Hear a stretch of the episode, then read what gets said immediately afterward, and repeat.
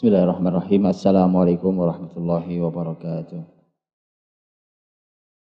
Alhamdulillah alladzi arsala rasulahu bil huda wa dinil haqqi liyudhhirahu 'ala dini kulli.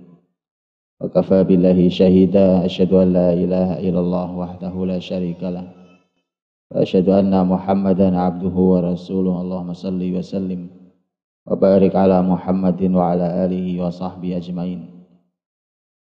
يا أيها الذين آمنوا اتقوا الله حق تقاته ولا تموتن إلا وأنتم مسلمون اللهم ربنا تقبل منا إنك أنت السميع العليم وتب علينا إنك أنت التواب الرحيم أما بعد Para ibu yang dimuliakan Allah Subhanahu wa taala kita sudah masuki hari yang kelima pembahasan tentang potret wanita di dalam Al-Quranul Karim dan sudah beberapa potret wanita yang kita kita pelajari. Kemudian kita hari ini ingin mempelajari salah satu Ummahatul Mukminin wanita yang mulia yang dinikahi Nabi Shallallahu Alaihi Wasallam atas perintah Allah Subhanahu Wa Taala yang Jibril pernah datang membawa fotonya yang ada di atas kain sutra berwarna hijau yang Rasul Shallallahu Alaihi Wasallam ketika ditanya oleh sahabat mulia Abdullah bin Amr bin As anhumah Mana habun nasilai? Siapa orang yang paling kau cintai? Jawaban Nabi Shallallahu Alaihi Wasallam adalah Aisyah. Wa minar rijal kalau dari laki-laki ya Rasulullah kata Nabi Abuha ayahnya. Kita akan membahas tentang Ummul Mukminin Aisyah radhiyallahu anha wanita yang paling dicintai oleh Rasul Shallallahu Alaihi Wasallam dan kecintaan ini sesuatu yang sangat wajar karena memang begitu istimewanya Aisyah radhiyallahu anha di kehidupan Nabi dalam kiprahnya terhadap dakwah Nabi Shallallahu Alaihi Wasallam. Kita hanya akan membahas salah satu saja yang terbesar yang ibu tahu juga peristiwanya karena tentang Aisyah di dalam Al-Quran ada beberapa ayat yang turun. Tapi yang kita bahas hari ini adalah pembahasan yang bermula dari kisah seuntai kalung. Kisah seuntai kalung yang oleh Nabi akhirnya kalung itu disebut sebagai kalung yang berkah. Para ibu yang memakai kalung dan ini wajar perempuan memakai perhiasan e, tentu sangat suka dengan kalung yang dipakainya, perhiasan yang dipakainya. Begitu juga dengan Aisyah radhiyallahu anha bahwa Aisyah radhiyallahu anha suka sekali dengan kalung yang dipakainya ini. Sejarah menyebutkan dalam riwayat hadis riwayat Bukhari bahkan Aisyah sendiri yang menceritakan tentang kalungnya. Kalungnya itu disebut sebagai uh, jiz' jiz' dhifar jiz' dhifar jiz' itu adalah uh, jenis perhiasan. Kalau dalam penjelasan para ulama itu dia warnanya hitam. Ya mungkin ini batu mulia mungkin. Warnanya hitam tapi ada putihnya Jiza. Adapun Zifar, Zifar itu nama tempat di Yaman. Karenanya ini kalung sebenarnya aslinya dari Yaman. Ya, kira-kira kayak ibu-ibu kalau punya barang dari negeri mana, nah itu luar biasa. Ini seperti Aisyah anha. Kalungnya Aisyah radhiyallahu anha itu dari Yaman. Ya, dan e, memang Yaman banyak menghasilkan hal-hal seperti itu. E, demikian juga pakaian, karena Nabi juga punya pakaian yang dari Yaman, dibuatnya di sana. Ini saking terkenalnya sampai disebut dengan sebutan nama tempat memproduksinya. Persis kayak di zaman kita kan juga sama sekarang ya. Kalau di kita apa namanya? Tahu Sumedang, nah gitu. Paham ya? Saking terkenalnya itu, maka disebut nama sejarah awalnya di mana. Zifar itu nama tempat di Yaman. Jizi' Zifar. Kalung ini punya kisah yang luar biasa dan kisah panjang tentang kalung ini. Dan dari kalung inilah kemudian nanti yang mengawali peristiwa hingga turunnya beberapa ayat. Kemudian juga kalung inilah yang kemudian tadi saya katakan akhirnya disebut oleh Nabi sebagai kok berkah kalungmu itu. Jadi kalau punya barang itu harus barokah. Kalau barokah itu dia manfaatnya luar biasa. Para ulama menyampaikan, dan ini akan kita bahas hari ini, para ulama menyampaikan bahwa ada dua peristiwa yang berhubungan dua-duanya dengan kalung Aisyah adalah anha. Dua peristiwa itu terjadi di satu perjalanan yang sama. Nampaknya kalungnya Aisyah ini mulai rusak di pengaitnya. Jadi dia mulai rusak sehingga dia mudah copot, lepas ya. Jadi kalungnya begitu ini lepas ya. Peristiwa dua peristiwa ini menurut para ulama terjadi di waktu yang sama, di perjalanan yang sama. Yang satu di perjalanan waktu berangkat, yang kedua di perjalanan waktu pulang, dua-duanya gara-gara kalung. Ya, jadi kisah perhiasan wanita itu di, ternyata ada kisah panjang yang menyebabkan ayat turun. Ya. Ayatnya dua-duanya ibu-ibu sudah hafal. Sudah sering dengar kisah, nanti kita kisahkan. Yang pertama adalah keberangkatan. Keberangkatan ke masyarakat Bani Mustalik atau yang dikenal dengan Muraisiyah. Karenanya dikenal dengan Ghazwah Bani Mustalik atau Ghazwah Al-Muraisiyah perang Bani Mustalik dan perang Muraisiyah. Dan nanti Nabi Shallallahu Alaihi Wasallam menikahi putri kepala sukunya Bani Mustalik. Siapa?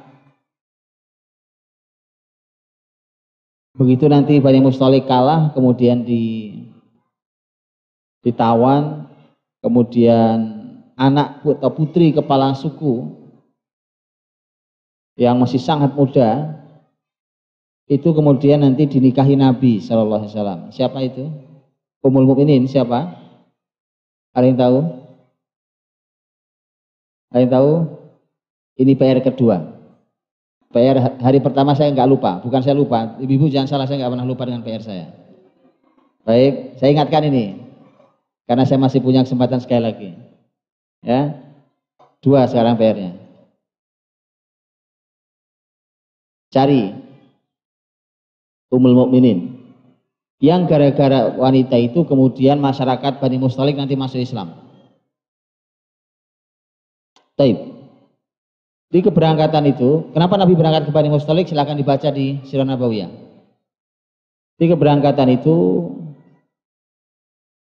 Kemudian saat itu sudah malam.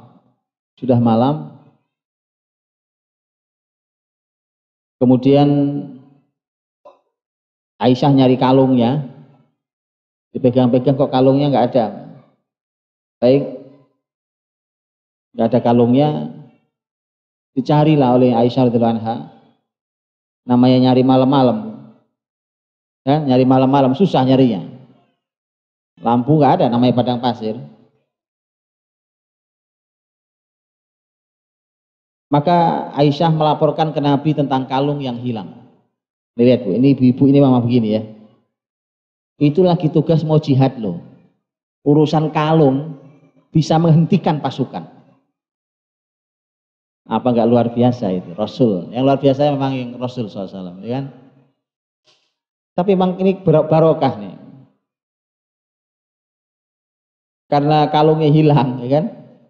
Kata Nabi pasukan berhenti semua, gara-gara kalung. Kalung.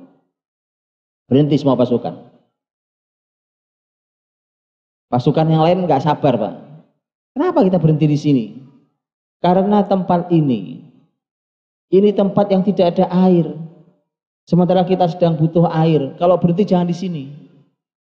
Orang mulai pada protes. Begitu mereka tahu bahwa penyebabnya kalung yang hilang. Baik, orang tambah protes. Ada-ada aja gara-gara kalung hilang ya kan. Ngosok pasukan besar mau jihad loh, mau jihad loh. Bang. Urusan kalung aja jadi masalah gitu ya kan. Eh, subhanallah. Memang para suami seperti saya ini harus belajar sama Rasul. Bang. Ya, eh, subhanallah itu Rasul ya santai banget ya Allah ya kan. Rasul itu malah karena sudah malam, Rasul itu bukannya menenangkan masyarakat yang lagi ngapain berhenti di sini? Kan nggak ada air kita butuh air nih coba air mana sekarang? Rasul bukannya menyelesaikan masalah itu malah tidur di pangkuan Aisyah. Dah satu. Ini luar biasa. Itu makanya luar biasa ya. Keluarga betul buat Nabi orang terbaik. Tidur di pangkuan Aisyah Tidur, benar-benar tidur. Tidur betulan tidur. Pernah suami ibu tidur di pangkuan sampai tidur beneran? Eh, tanya sama Aisyah radhiyallahu anha. Tidur, Pak. Karena Abu Bakar ayahnya ada di peristiwa itu. Abu Bakar diprotes oleh orang-orang lain. Kan putrinya.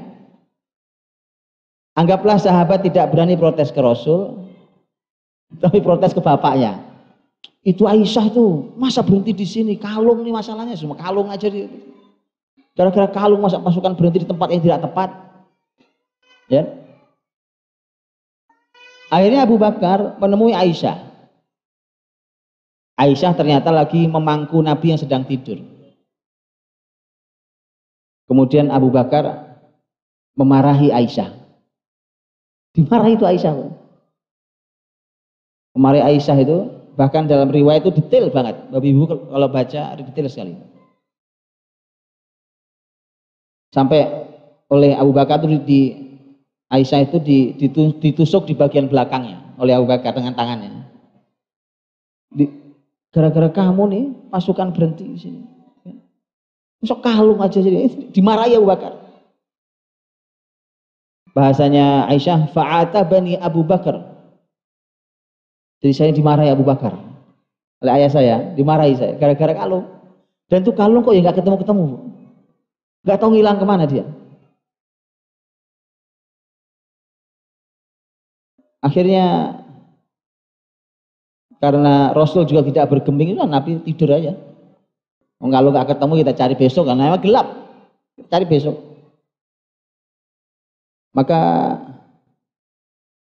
Akhirnya sampailah waktu di esok pagi.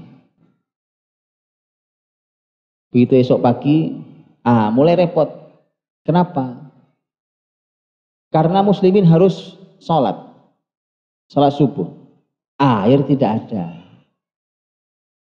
Air tidak ada. Benar kan kita dalam masalah sekarang?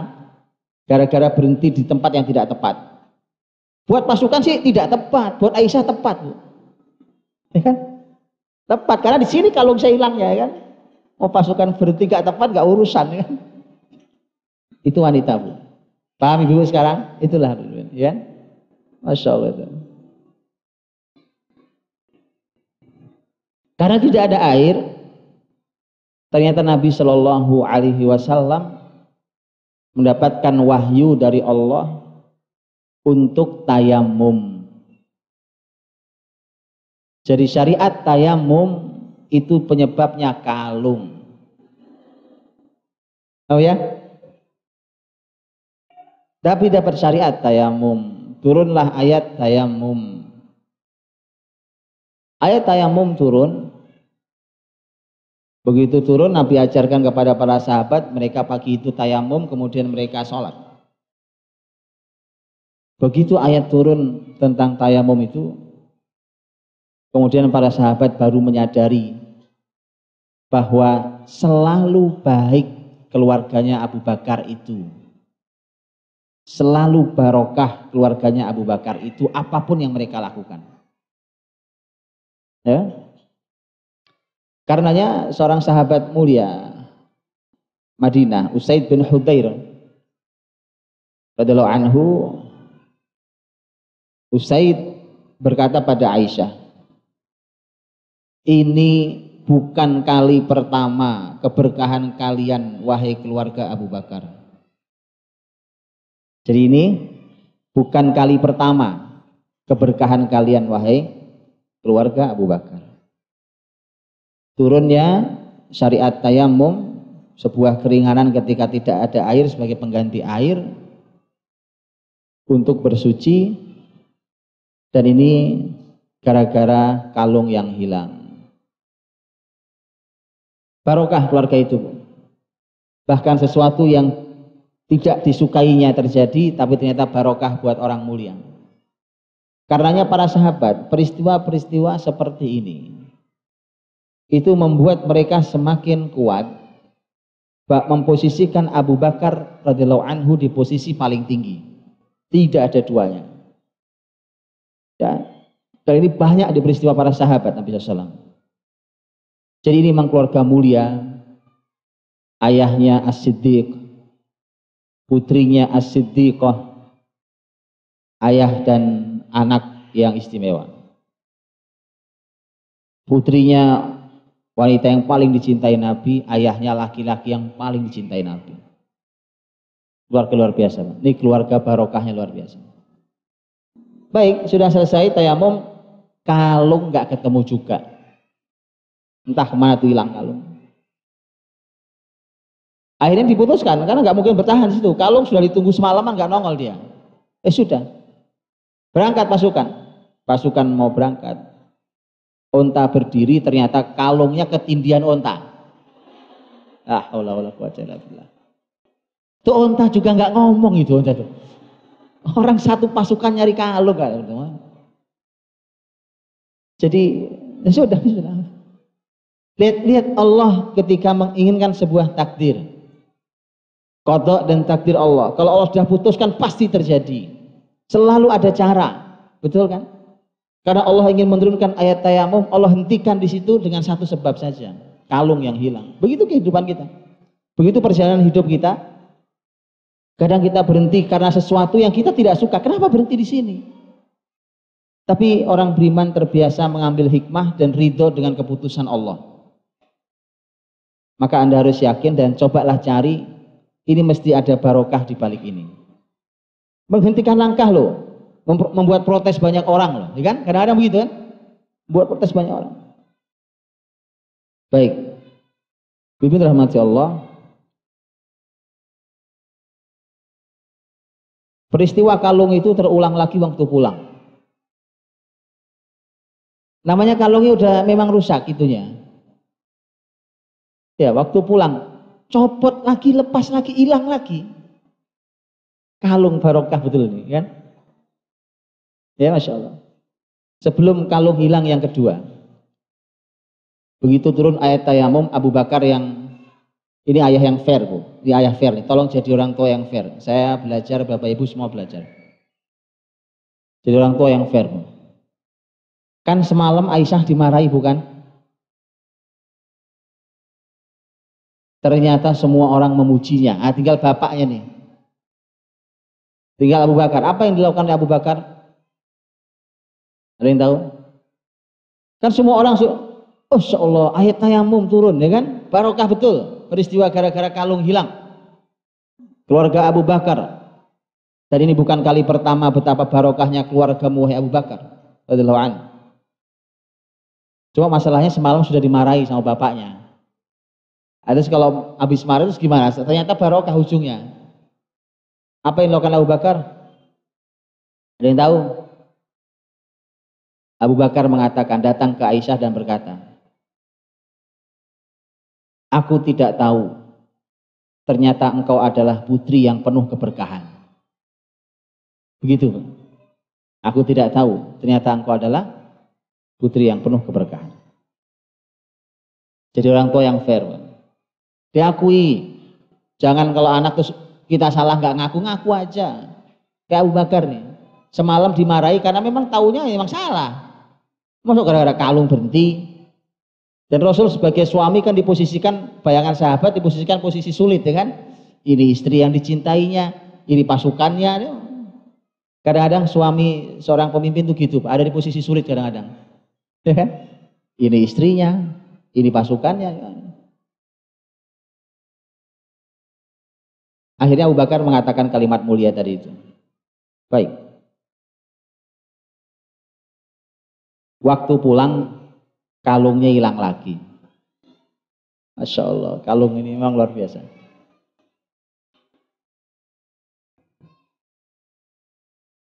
Pasukan sudah bergerak pulang setelah menang di perang Bani Mustalik, bahkan mendapatkan tawanan perang, dapatkan ghanimah muslimin pulang.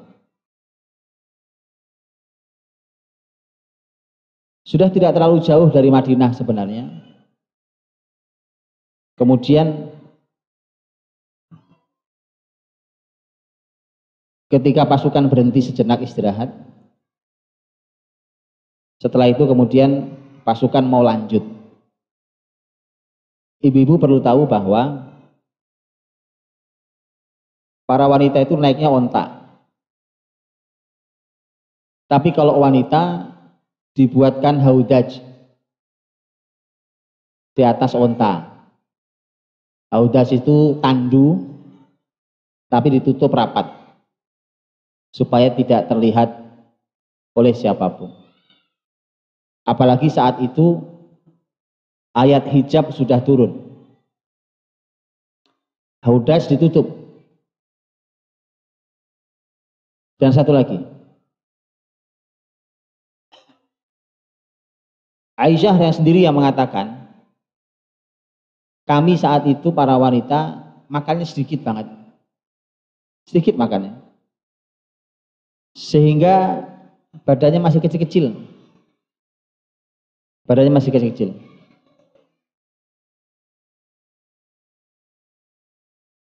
Aisyah radhiyallahu anha ada di dalam haudaj itu. Karena waktu Nabi kita semua tahu Nabi SAW kalau melakukan perjalanan, termasuk perjalanan jihad, mengundi istri-istrinya siapa yang ikut dengan beliau. Nah di Bani Mustolik ini yang keluar nama adalah Aisyah radhiyallahu anha. Aisyah ada di Haudaj itu, jadi tandung itu biasanya dinaikkan ke onta, oleh beberapa laki-laki dinaikkan ke onta, orangnya ada di dalamnya. Nanti waktu turun juga gitu. Walaupun dia bisa turun sendiri, waktu turun dia turun. Baik. Aisyah radhiyallahu anha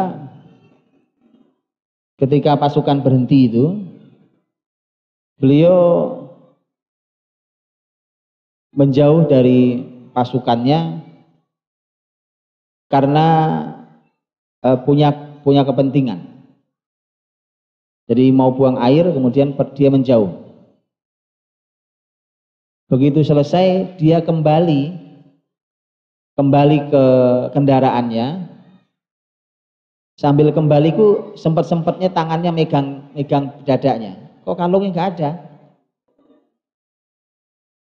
gitu ya sempat dia megang dadanya tuh loh kalungnya nggak ada begitu kalung tidak ada padahal dia sedang jalan kaki menuju ke tempat ngumpul pasukan. Maka Aisyah nyari nyari kalung. Lagi-lagi kalung yang hilang. Cari dicari dicari. Saya nggak tahu ibu-ibu mana yang lebih susah nyari kalung di padang pasir atau kalung di kamar ya kan? Kalau kalung hilang ya. Ini cari. Begitu cari, cari, cari, cari. Ketemu tuh kalung. Lepas memang. Aisyah kembali ke tempat kumpulnya pasukan. Ternyata sudah tidak ada satupun pasukan. Pasukan sudah pergi semua. Kok bisa mereka pergi? Kan itu ada empat laki-laki yang membawa tandunya untuk meletakkan di atas unta. Pertama, memangnya mereka nggak mencoba lihat apakah umul mukminin sudah ada atau belum di ruangannya. Teman-teman dirahmati Allah, ini masyarakat luar biasa. Dibahas tentang hal ini, kita tahu bahwa kita ada di lembah yang lain saat mereka ada di di puncak kebesarannya. Ini bukan masyarakat yang pernah ada di zaman Rasul Shallallahu Alaihi Wasallam. Walaupun kita sama Muslim, terlalu jauh kita dari syariat ini. Para sahabat Nabi Shallallahu Alaihi Wasallam nggak akan buka-buka haudaj itu untuk melihat umul mukminin. Walaupun itu umul mukminin, tahu um arti um ibu. Anak sama ibu gimana? Mahram mahram, ya kan? Artinya tidak boleh anak nikah ibunya. Ini ibu kita. Kalau usia masih kecil, ini Aisyah adalah umul mukminin. Tetapi memang umul mukminin harus pakai hijab sempurna, lebih sempurna daripada menurut sebagian para ulama, eh, lebih rapat daripada muslimah yang lain. Eh, umul mukminin Aisyah radhiyallahu anha, beliau ketika ada dalam haudaj itu ditutup. Sahabat tidak berani buka. Baik. Kalau nggak dibuka ya mbak minimal tuh nanya dari luar ya. Sudah di dalam kan gitu kan? Itu pun tidak dilakukan sahabat. Nah, itu lihat. Ya. subhanallah ya. Yang di masyarakat suci. Masyarakat suci. Nah, mereka nggak berani melakukan Eh, apalagi satu hal satu hal sebenarnya eh, masyarakat Arab itu bahkan tanpa Islam sekalipun mereka punya gairah punya kecemburuan yang tinggi yang dengan itu dia menjaga eh, menjaga kesucian keluarganya. Tanpa Islam sekalipun sebenarnya. Abu Jahal sekalipun. Jadi makanya kalau hari ini eh, laki suami ya, tidak punya hal itu maka lebih parah dari Abu Jahal karena bahkan tidak pernah bisa orang Arab pun tidak mungkin melakukannya. Abu Jahal tokohnya jahiliyah. Abu Lahab tokoh jahiliyah. Tapi tidak pernah bisa dibayangkan apa boleh gitu. Umpamanya kan mereka senang nih nonton joget Kan sama, Abu Jahal Abu mereka senang. Biasa masyarakat Arab nonton nonton tarian-tarian senang. Tapi mereka mustahil mengizinkan istrinya menari di depan suami-suami yang lain. Walaupun jahiliyah. Jadi kalau hari ini kalau hari ini ada laki-laki bangga punya istri kayak begitu, kalah sama Abu Jahal. Betul, Pak. Lebih jahiliyah dari Abu Jahal di sisi ini. Itu.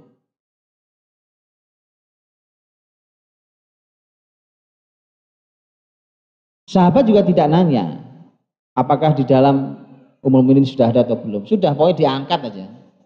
Pertanyaan ketiga begini, lo memangnya nggak kerasa? Berat nggak beratnya? Nggak ada orangnya, masa nggak perasa? Tadi Aisyah sudah katakan, kami ini di masa itu makanya masih sedikit sekali. Jadi kurus, nyaris tidak ada bedanya. Haudas kosong dengan haudas ada isinya. Ibu bisa bayangkan lah kira-kira seberapa kurusnya ya kan, kebayang lah ya. Haudas yang ada isi dengan yang tidak ada isi gak ada bedanya. Udah naikin aja mereka yakin umum ini sudah ada di dalam. Sudah berangkat pasukan ditinggal. Ternyata umum ini tidak ada. Belum ada di dalam haudas. Sudah Aisyah yang datang sudah sepi. Hari sudah menjelang malam. Aku bisa bayangkan itu. Sendiri di padang pasir hari mulai gelap. Akhirnya Aisyah menutupi dirinya. Kemudian duduk. Dia yakin pasukan nanti kalau kehilangan saya akan kembali ternyata nggak kembali. Karena memang nggak tahu. Kenapa? Sampai di Madinah sekalipun, tugas kaum laki-laki cuma menurunkan haudaj di depan kamar Aisyah itu. Makam Nabi sekarang. Habis turunkan, ya sudah ditinggal mereka. Nanti juga keluar sendiri kan? Subhanallah. Makanya nggak ada yang kehilangan. Nggak ada yang kehilangan. Pasukannya nggak nggak balik. Aisyah salah analisa sambil ketakutan juga harus di padang pasir sendiri ya sudahlah. Nanti juga kembali pasukannya.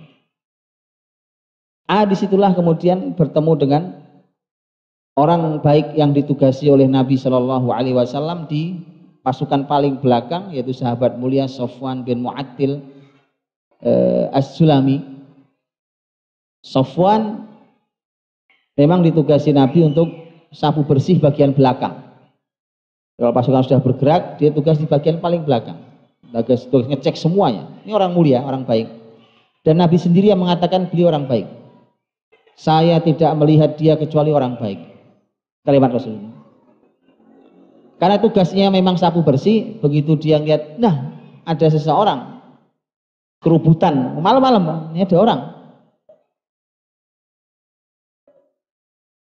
Dan Aisyah mengatakan, Sofwan itu mengenali saya betul sebelum ayat hijab turun.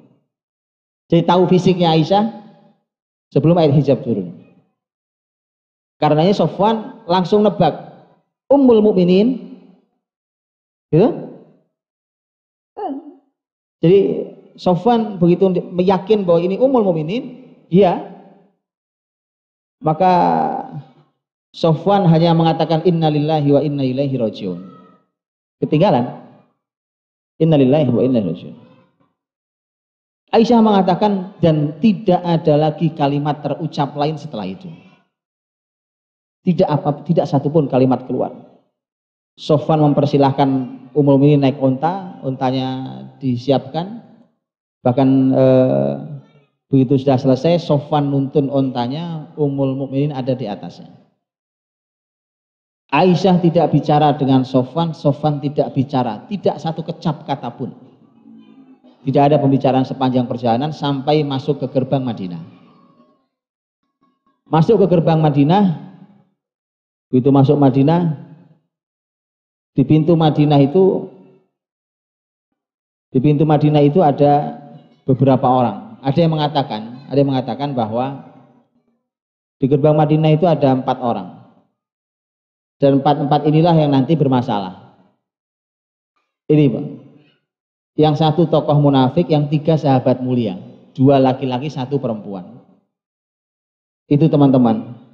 Makanya tidak perlu juga Anda selalu penasaran pengen lihat. Karena belum tentu Anda siap dengan fitnahnya. Gak usah sok penasaran. Pengen doang lihat gak perlu. Jangan-jangan Anda gak kuat. Dengan fitnahnya gak akan kuat. Betul? Begitu saja. Abdullah bin Ubay bin Salul tokoh munafik. Kemudian dua sahabat mulia dan satu eh, sahabat wanita. Penyair Nabi Shallallahu Alaihi Wasallam Hasan bin Thabit. Kemudian Mistah bin Uthatha. Mistah bin Uthatha adalah eh, sepupunya Abu Bakar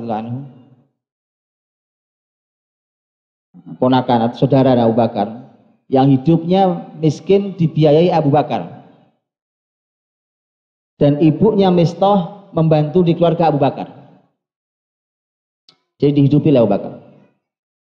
Dan yang keempat adalah sahabat wanita mulia, saudaranya, saudarinya Ummul Mukminin Zainab binti Jahsy radhiyallahu anha. Saudarinya Ummul Mukminin Zainab binti Jahsy radhiyallahu anha yaitu siapa? Ada yang tahu? PR yang ketiga. Masuk PR semua isinya ini.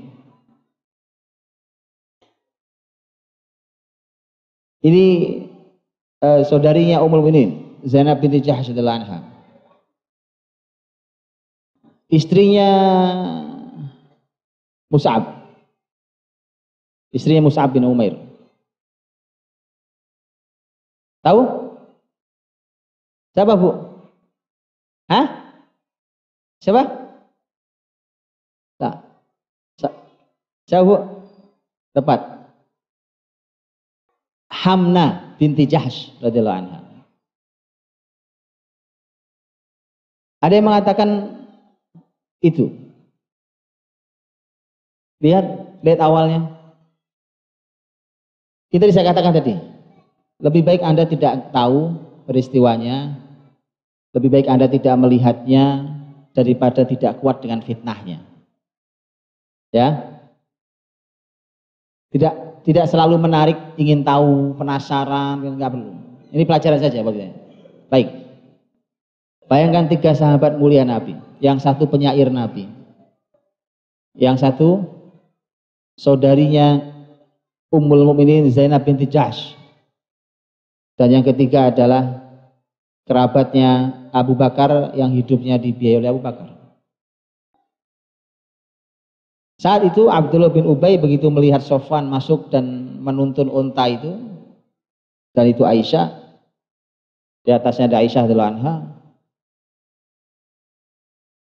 maka Abdullah bin Ubay meletupkan meletupkan fitnah pertamanya. Jadi kalimat fitnah besar ini peristiwa hadisatul ifki yang dikenal dengan peristiwa tuduhan dusta itu itu bermula hanya dari sebuah letupan kalimat ringan. Dari kalimatnya nggak langsung bilang kamu mesti berbuat serong enggak. Enggak begitu. Itu udah langsung nusuk kalau itu. Ini bahayanya, Bu. Ya, hati-hati apalagi hati kita yang memang ringkih tidak punya pertahanan iman yang sekuat para sahabat Nabi SAW. Hati-hati dengan itu. Maka kemudian keluarlah kalimat itu. Oh, jadi kalau kamu Sofwan dan Aisyah berdua sepanjang perjalanan Demi Allah, Sofwan tidak selamat dari Aisyah, Aisyah tidak selamat dari Sofwan. Lihat kalimatnya. Lihat kalimatnya. Bah, kalimat itu dia menjadi bom pertama. Dilemparkan macam granat pertamanya. Hati-hati. Hati-hati. Makanya tidak kalau tahu bahwa kita tidak punya iman yang cukup, telinga ini jangan dibiasakan mendengar berbagai macam e, hal yang akan membuat kita menjadi orang yang terlibat dalam fitnah. Karenanya kemudian sahabat Nabi Shallallahu Alaihi Wasallam yang terkena ya tiga orang itu yang ikut berbicara tentang peristiwa ini yang nanti dihukum oleh Nabi Shallallahu Alaihi Wasallam setelah turun surat An-Nur. Baik, itu peristiwanya. Sampai kemudian saya selesaikan kisahnya baru kita masuk ke ayatnya. Kemudian saat itu musim sangat dingin. Musim sangat dingin. Karena lelah dan dingin maka Aisyah sakit. Maka kemudian ini hikmah besar dari Allah Subhanahu wa taala. Sakit masuk ke rumahnya sakit. sebulan lamanya. Sakitnya agak lama, sebulan lamanya. Lihat, bukankah ada hikmah besar di balik sakit? Apa hikmah besarnya? Tidak mendengar semua berita di luar yang mengguncang masyarakat Madinah tentang dirinya. Jadi tolong maknai bahkan musibah kita sebagai kebaikan dari Allah Subhanahu wa taala. Orang beriman hidupnya tidak banyak berkeluh kesah. Innal insana khuliqa halwa. Idza massahu syarru jazua wa idza massahu khairu manu'a illal musallin. Orang itu kalau beriman imannya betul ibadahnya baik tidak mudah menjadi orang yang serba berkeluh kesah. Karena itulah maka Aisyah sakit dia tidak tahu sama sekali peristiwa yang terjadi di luar. Yang dilihat Aisyah radhiyallahu anha hanya tapi itu pun tidak seberapa tapi Aisyah mulai bertanya-tanya tentang perubahan sikap Nabi Shallallahu alaihi wasallam. Perubahannya adalah Nabi kalau ketemu Aisyah tahu sendiri dialognya panjang, ngobrolnya panjang gitu ya. E, bercengkrama, bergurau dan seterusnya. Tapi setiap ketemu Aisyah Nabi hanya mengatakan apa kabarmu? Buat Aisyah pertanyaan apa kabar itu, itu sesuatu yang aneh. Ini bukan suami saya. Baik. Aisyah punya rasa itu, ini ada sesuatu. Begitu Bu. Kalau suami berubah tolong dipahami. Ada apa dengan ini? Apa yang terjadi sebenarnya? Gitu kan? Aisyah sebenarnya tahu ini ini ada sesuatu. Tapi dia nggak tahu namanya sakit itu dalam.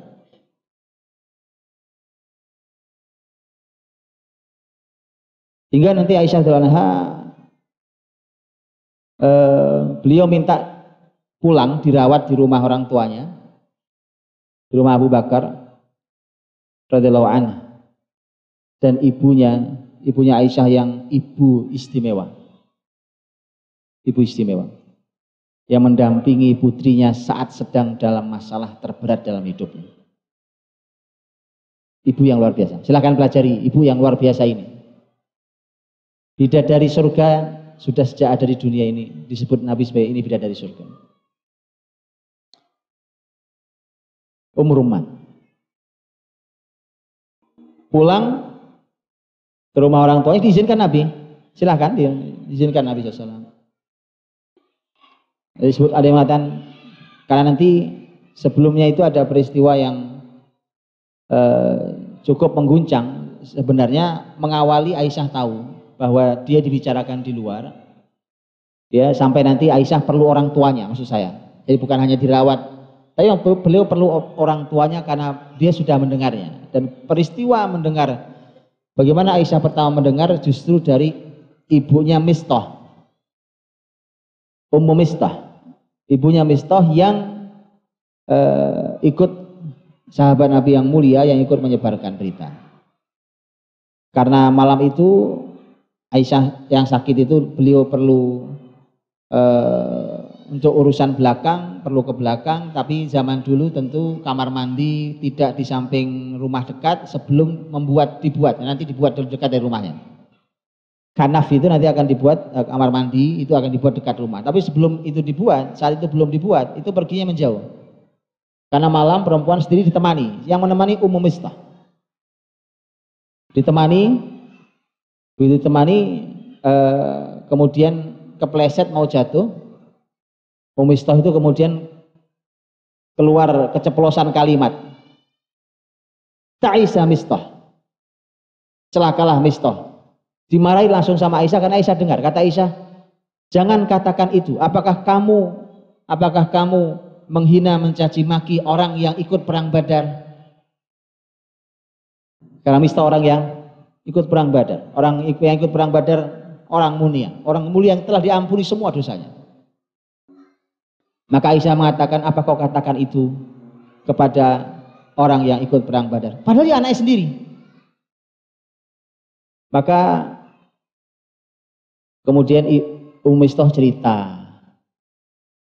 Barulah Aisyah tahu apa yang terjadi di luar sana selama sebulan ini. Maka Aisyah nanti minta ini ini masya Allah Pak. Jadi e, namanya anak ya Pak. namanya anak. E, orang tua selalu harus siap untuk menerima anaknya saat anaknya sedang punya masalah. Tapi tolong, Pak, tolong. Tolong e, cermati betul kalimat orang tua nih, Abu Bakar ini, radhiyallahu anhu, manusia mulia ini. Abu Bakar punya kalimat, menurut saya kalimat ini luar biasa, ini ungkapan hati orang tua. Ini di peristiwa lain. Ketika Abu Bakar berkata kepada putrinya Aisyah dan kepada menantunya Rasulullah Muhammad SAW. Kalimat Abu Bakar, Ashrikani fi silmikuma kama asyraktumani fi harbikuma. Tolong libatkan aku dalam perdamaian, dalam damainya kalian berdua. Sebagaimana kau libatkan aku dalam perang kalian berdua. Paham? Itu orang tua. Jadi tolong jadi anak juga gitu. Punya masalah datang ke orang tua wajar, silahkan datang wajar, wajar. Itulah anak, nyamannya dengan orang tuanya, wajar sekali. Tapi tolong, jangan hanya saat susah datang ke orang tua. Hati orang tua itu seperti kalimat Abu Bakar, libatkan aku dalam damainya kalian sebagaimana kalian libatkan aku dalam perang kalian. Nah ya? Itu. Itu gara-gara waktu itu Abu Bakar dan, dan Aisyah punya masalah berdua dan datang ke Abu Bakar sebagai hakimnya. Baik. Maka Aisyah radhiyallahu anha beliau malam itu nangis, nangis sampai tidak bisa tidur. Sampai pagi, pagi, sampai sore nangis, sampai malam lagi, sampai pagi nangis. Dua hari satu eh, eh, dua malam satu hari.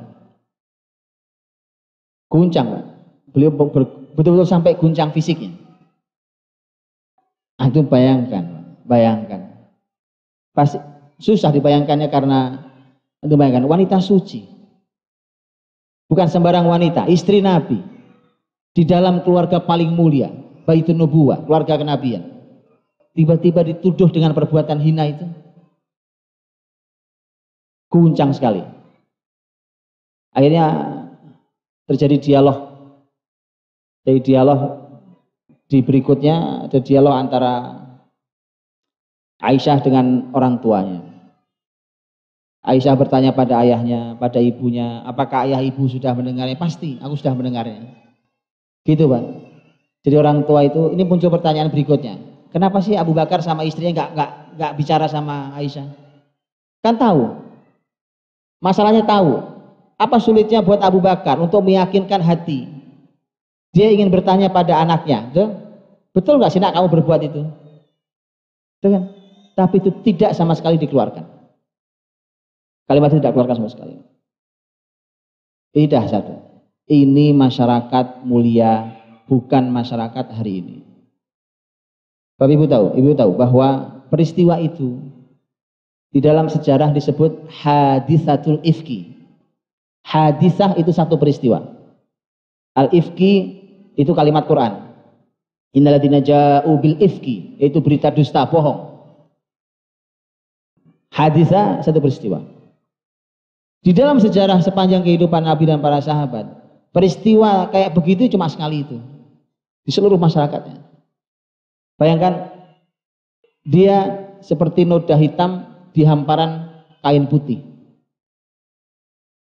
Adapun kita hari ini hidup di hamparan kain hitam. Semuanya dusta, penuh dengan bohong, ghibah, berita tidak jelas, semua disebar. Jadi kalau dulu mereka satu peristiwa mengguncang betul, hari ini karena itu biasa, kita biasa banget. Biasa kali Pak, semua orang juga gitu kali. Biasa banget. Ini luar biasa. Asrul ifki, ini zaman dusta. Luar biasa. Belum dengan berbagai macam media yang dipelintir segala macam itu, subhanallah. Luar biasa. Karenanya ini peristiwa manfaat untuk zaman ini. Dan ketika Aisyah bertanya pada bundanya, apakah ibu mendengar peristiwa iya? Tapi tenang dulu nak, tenang dulu. Dan ibunya, hayini alik, hawini alik. Tenang dulu nak, tenang dulu. Gak, usah gak usah buru-buru dulu, tenang dulu. Baik. Ibunya mengeluarkan kalimat yang sebenarnya nggak ada hubungan, itu tebak-tebakan. Namanya juga ibu, juga nggak tahu, orang yang benar yang mana juga nggak tahu. Ini berita yang menyebar di luar sana.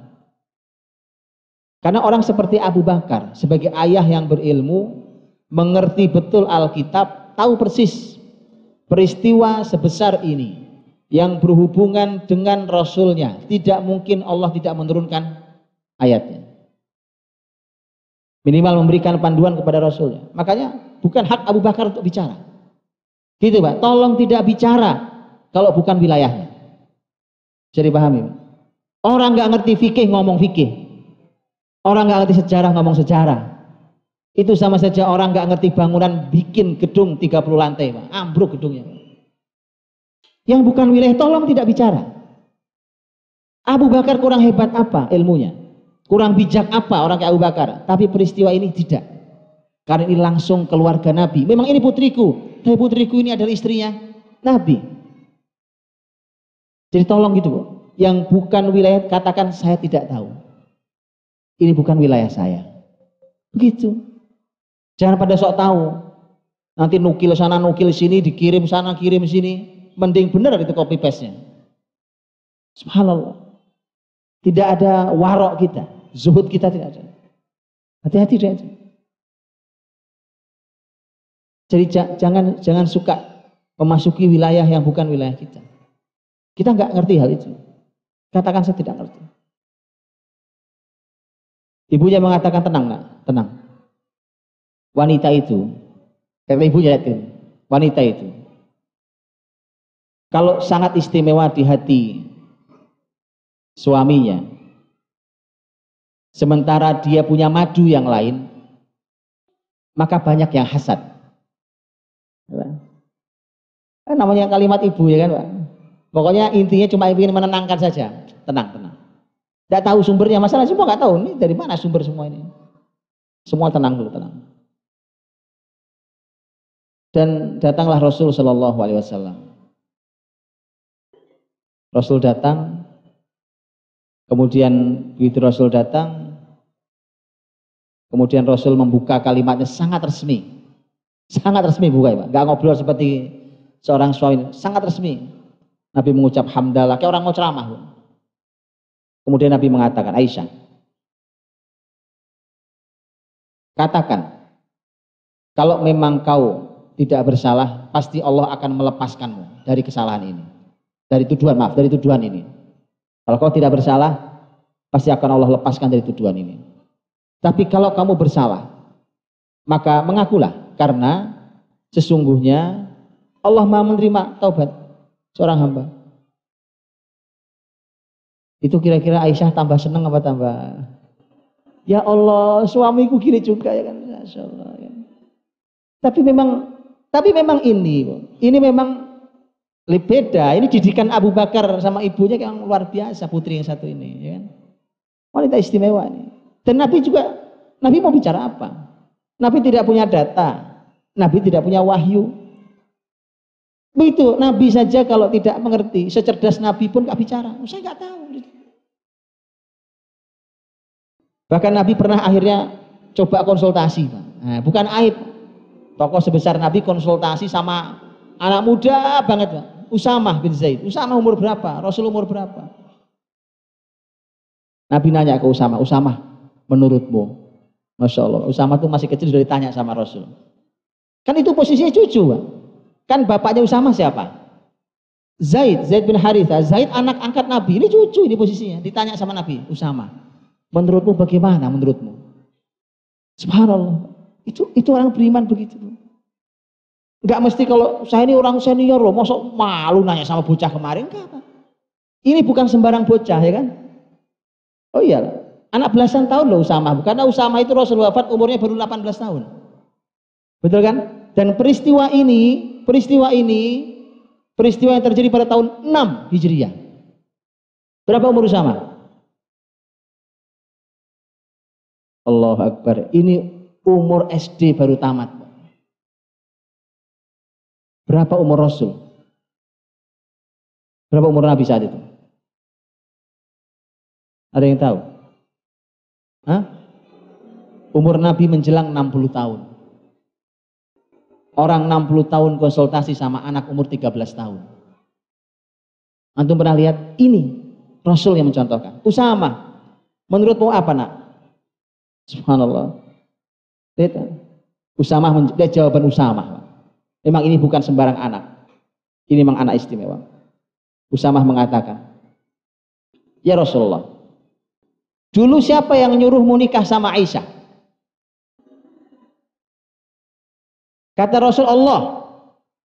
Ya kan? Rasul Allah nyuruh. Kan tadi saya katakan. Bahkan Jibril membawa fotonya Aisyah yang diletakkan di kain sutra hijau. Subhanallah. Buat Aisyah, ini istrimu dunia dan akhirat. Lah Usama, orang ber, anak berilmu, Usama mengatakan dulu, dulu kau nikah siapa yang merintahkan? Lihat, kata Nabi Allah. Kata Usama, Allah tidak mungkin menipumu. Betul?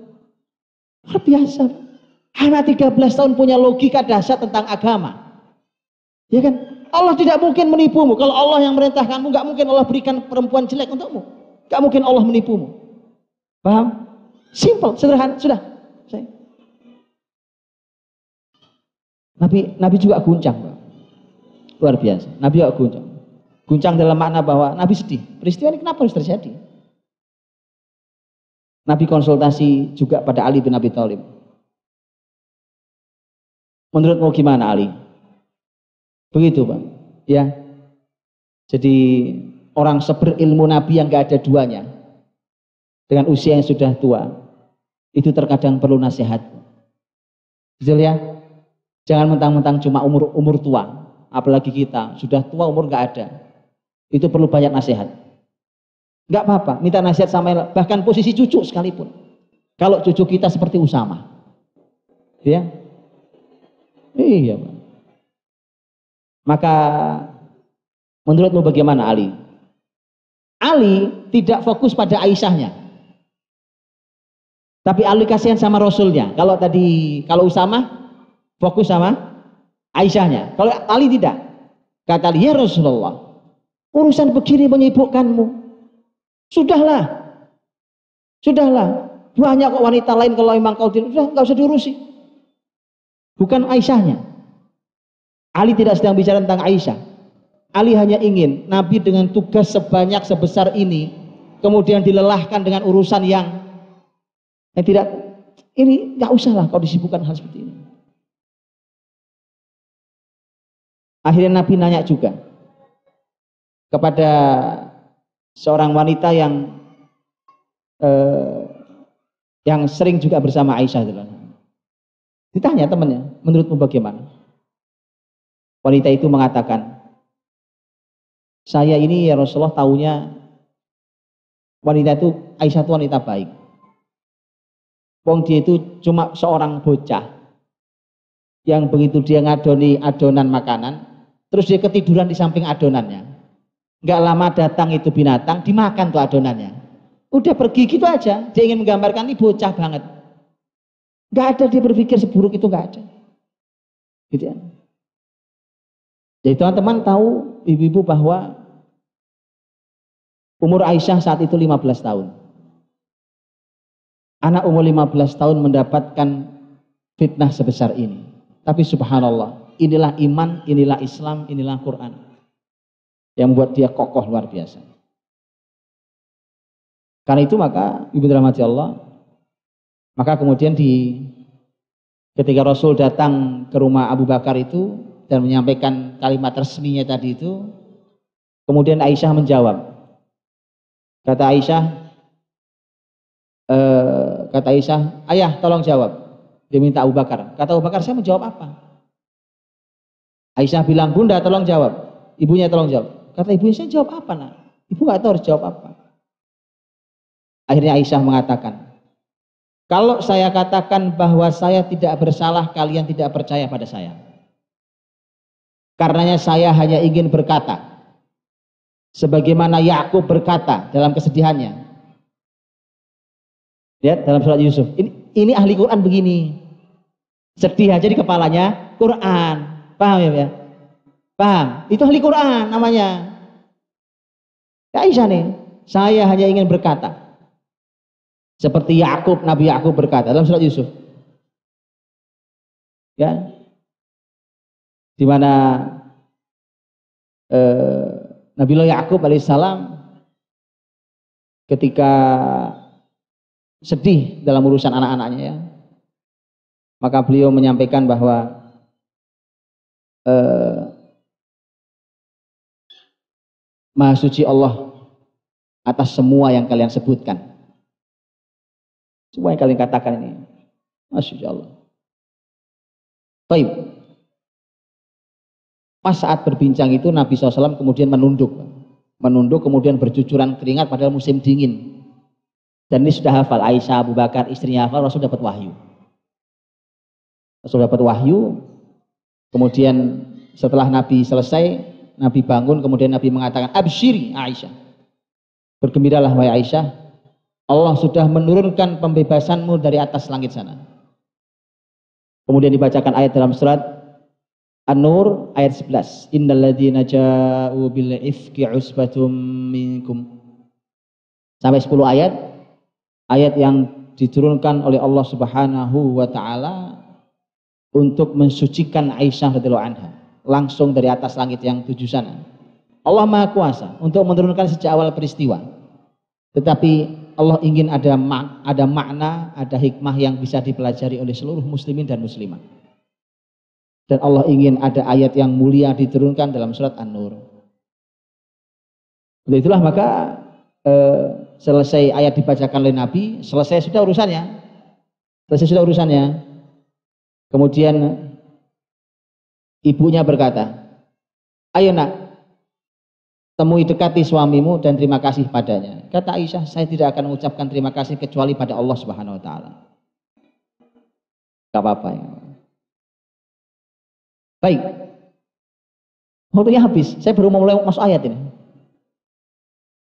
Karena memang kalau ibu-ibu baca riwayatnya di Sahih Bukhari panjang, kayak sepanjang saya bercerita, kira-kira. Aja. Kalau gitu saya masuk sedikit di ayatnya dan saya tutup. Saya minta waktu 2-3 menit. Allah Subhanahu wa taala meletakkan ayat pembebasan Aisyah radhiyallahu anha dari semua tuduhan itu dalam surat An-Nur dimulai dari ayat yang ke-11.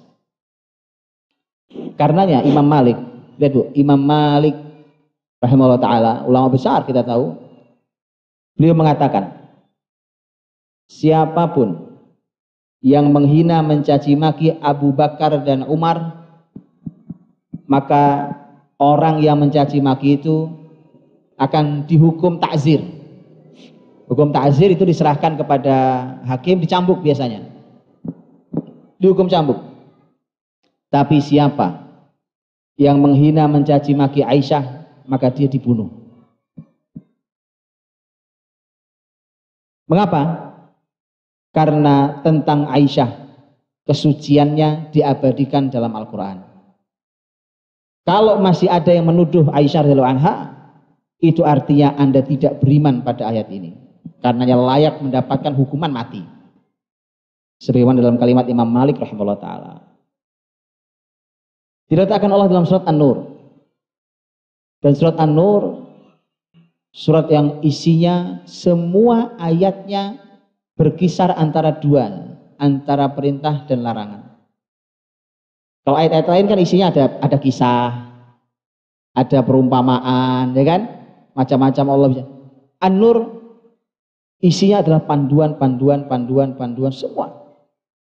Karenanya Allah membuka dengan kata suratun anzalnaha wa faradnaha. Faradnaha faradnaha kata fardu yang kami tetapkan, kami wajibkan. Faradna. Jadi ada fardu di sana. Karena isi ayatnya berbeda. Semua surat dalam Quran juga surat. Surat kan ada surat Al-Fatihah, surat Al-Baqarah, surat Kenapa cuma al, cuma An-Nur yang disebut surat? Suratun anzalnaha. Karena di bahwa ini subhanallah ayat ini melingkari melingkupi eh, perintah dan larangan yang sangat luar biasa, sangat penting, ini spesial dan ternyata hal-hal itu berhubungan sangat erat dalam hubungan dalam masalah rumah tangga dan sosial. Rumah tangga dan sosial. Karenanya dahulu, karena dahulu terkenal penyampaian disampaikan sejak zaman Rasul bahkan ajari putri-putri kalian menenun dan surat An-Nur. Ajari putri kalian tenunan, menenun pakaian dan surat An-Nur. Jadi saya lihat ibu-ibu sudah banyak yang semangat pada jualan baju ya kan. Satu lagi Bu, surat An-Nur. Tahu ya? Harus itu dan itu wajib diajarkan di semua wanita muslimah. Surat An-Nur. Karenanya itu menjadi suratnya Umar kepada masyarakat Kufah agar para laki-laki mengajari istri-istrinya surat An-Nur. Saking pentingnya surat itu, dan berisi tentang masalah hukum, panduan tentang keluarga muslim dan tentang e, masyarakat bagaimana menjadi masyarakat. Baik, adapun 10 ayat ayat 11 dan berikutnya nanti silakan dibaca ya. E, di banyak pembahasan yang luar biasa di mana yang ingin saya tutup dengan dengan e, ayat yang di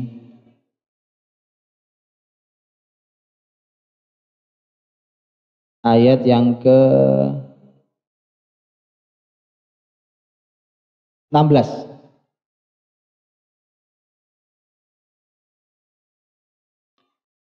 Ayat 16. Walaula id sami'tumuhu qultum andai saja waktu kalian mendengar kisah berita bohong ini kalian harusnya sebagai orang beriman langsung berkata begini ma yakunu lana an natakallama bihadza subhanak hadza buhtanun azim seharusnya kalian berkata itu Seharusnya kalian berkata, ma yakunu lana an natakallama bihadza. Ini bukan wilayah kita untuk membicarakan hal ini. Lihat ini kalimat ayat loh, tolong dipegang. Saya sudah katakan di depan. Yang bukan wilayah Anda tidak usah bicara. Itulah kenapa berita sudah seheboh itu tidak ada sahabat yang terlibat kecuali hanya tiga orang di sekian banyak jumlah sahabat. Berbeda dengan hari ini, semua orang terlibat kecuali hanya tiga orang mungkin. Subhanallah. Makanya ini ayat mengatakan, seharusnya kalau ada seperti ini kalian katakan ini bukan wilayah kami untuk bicara. Ini dusta nyata. Ini dusta besar. Begitu harusnya bunyinya. Hada buhtanun azim. Dan ini yang diabadikan oleh kalimatnya Abu Ayyub Al-Ansari dan istrinya. Abu Ayyub yang juga mendengar berita itu pulang-pulang nanya ke istrinya. Sudah dengar berita tentang Aisyah? Ini ngobrol sama istri. Kemudian Abu, Abu Ayyub mengatakan bahwa ini kalimat luar biasa dialog suami istri. Dan mudah mereka meniadakan itu dengan mengatakan mengatakan bahwa bahwa Aisyah itu lebih baik Aisyah lebih baik daripada kamu. Betul loh, itu betul. Aisyah lebih baik daripada kamu. Rasul juga lebih baik daripada Abu Ayyub. Kalau kamu saja tidak berani berbuat, maka tidak mungkin terjadi pada Aisyah radhiyallahu Itu luar biasa. Begitu seharusnya orang-orang beriman, dia mengukur dengan husnudzon. Dan ini sebagian dari pelajaran tentang apa yang disampaikan Allah tentang Aisyah dan bukan satu-satunya ayat yang berbicara tentang Aisyah anha dan e, perlu pertemuan yang lebih banyak untuk membicarakan tentang Aisyah dalam Al-Qur'an Al-Karim. Wallahu taala Assalamualaikum warahmatullahi wabarakatuh.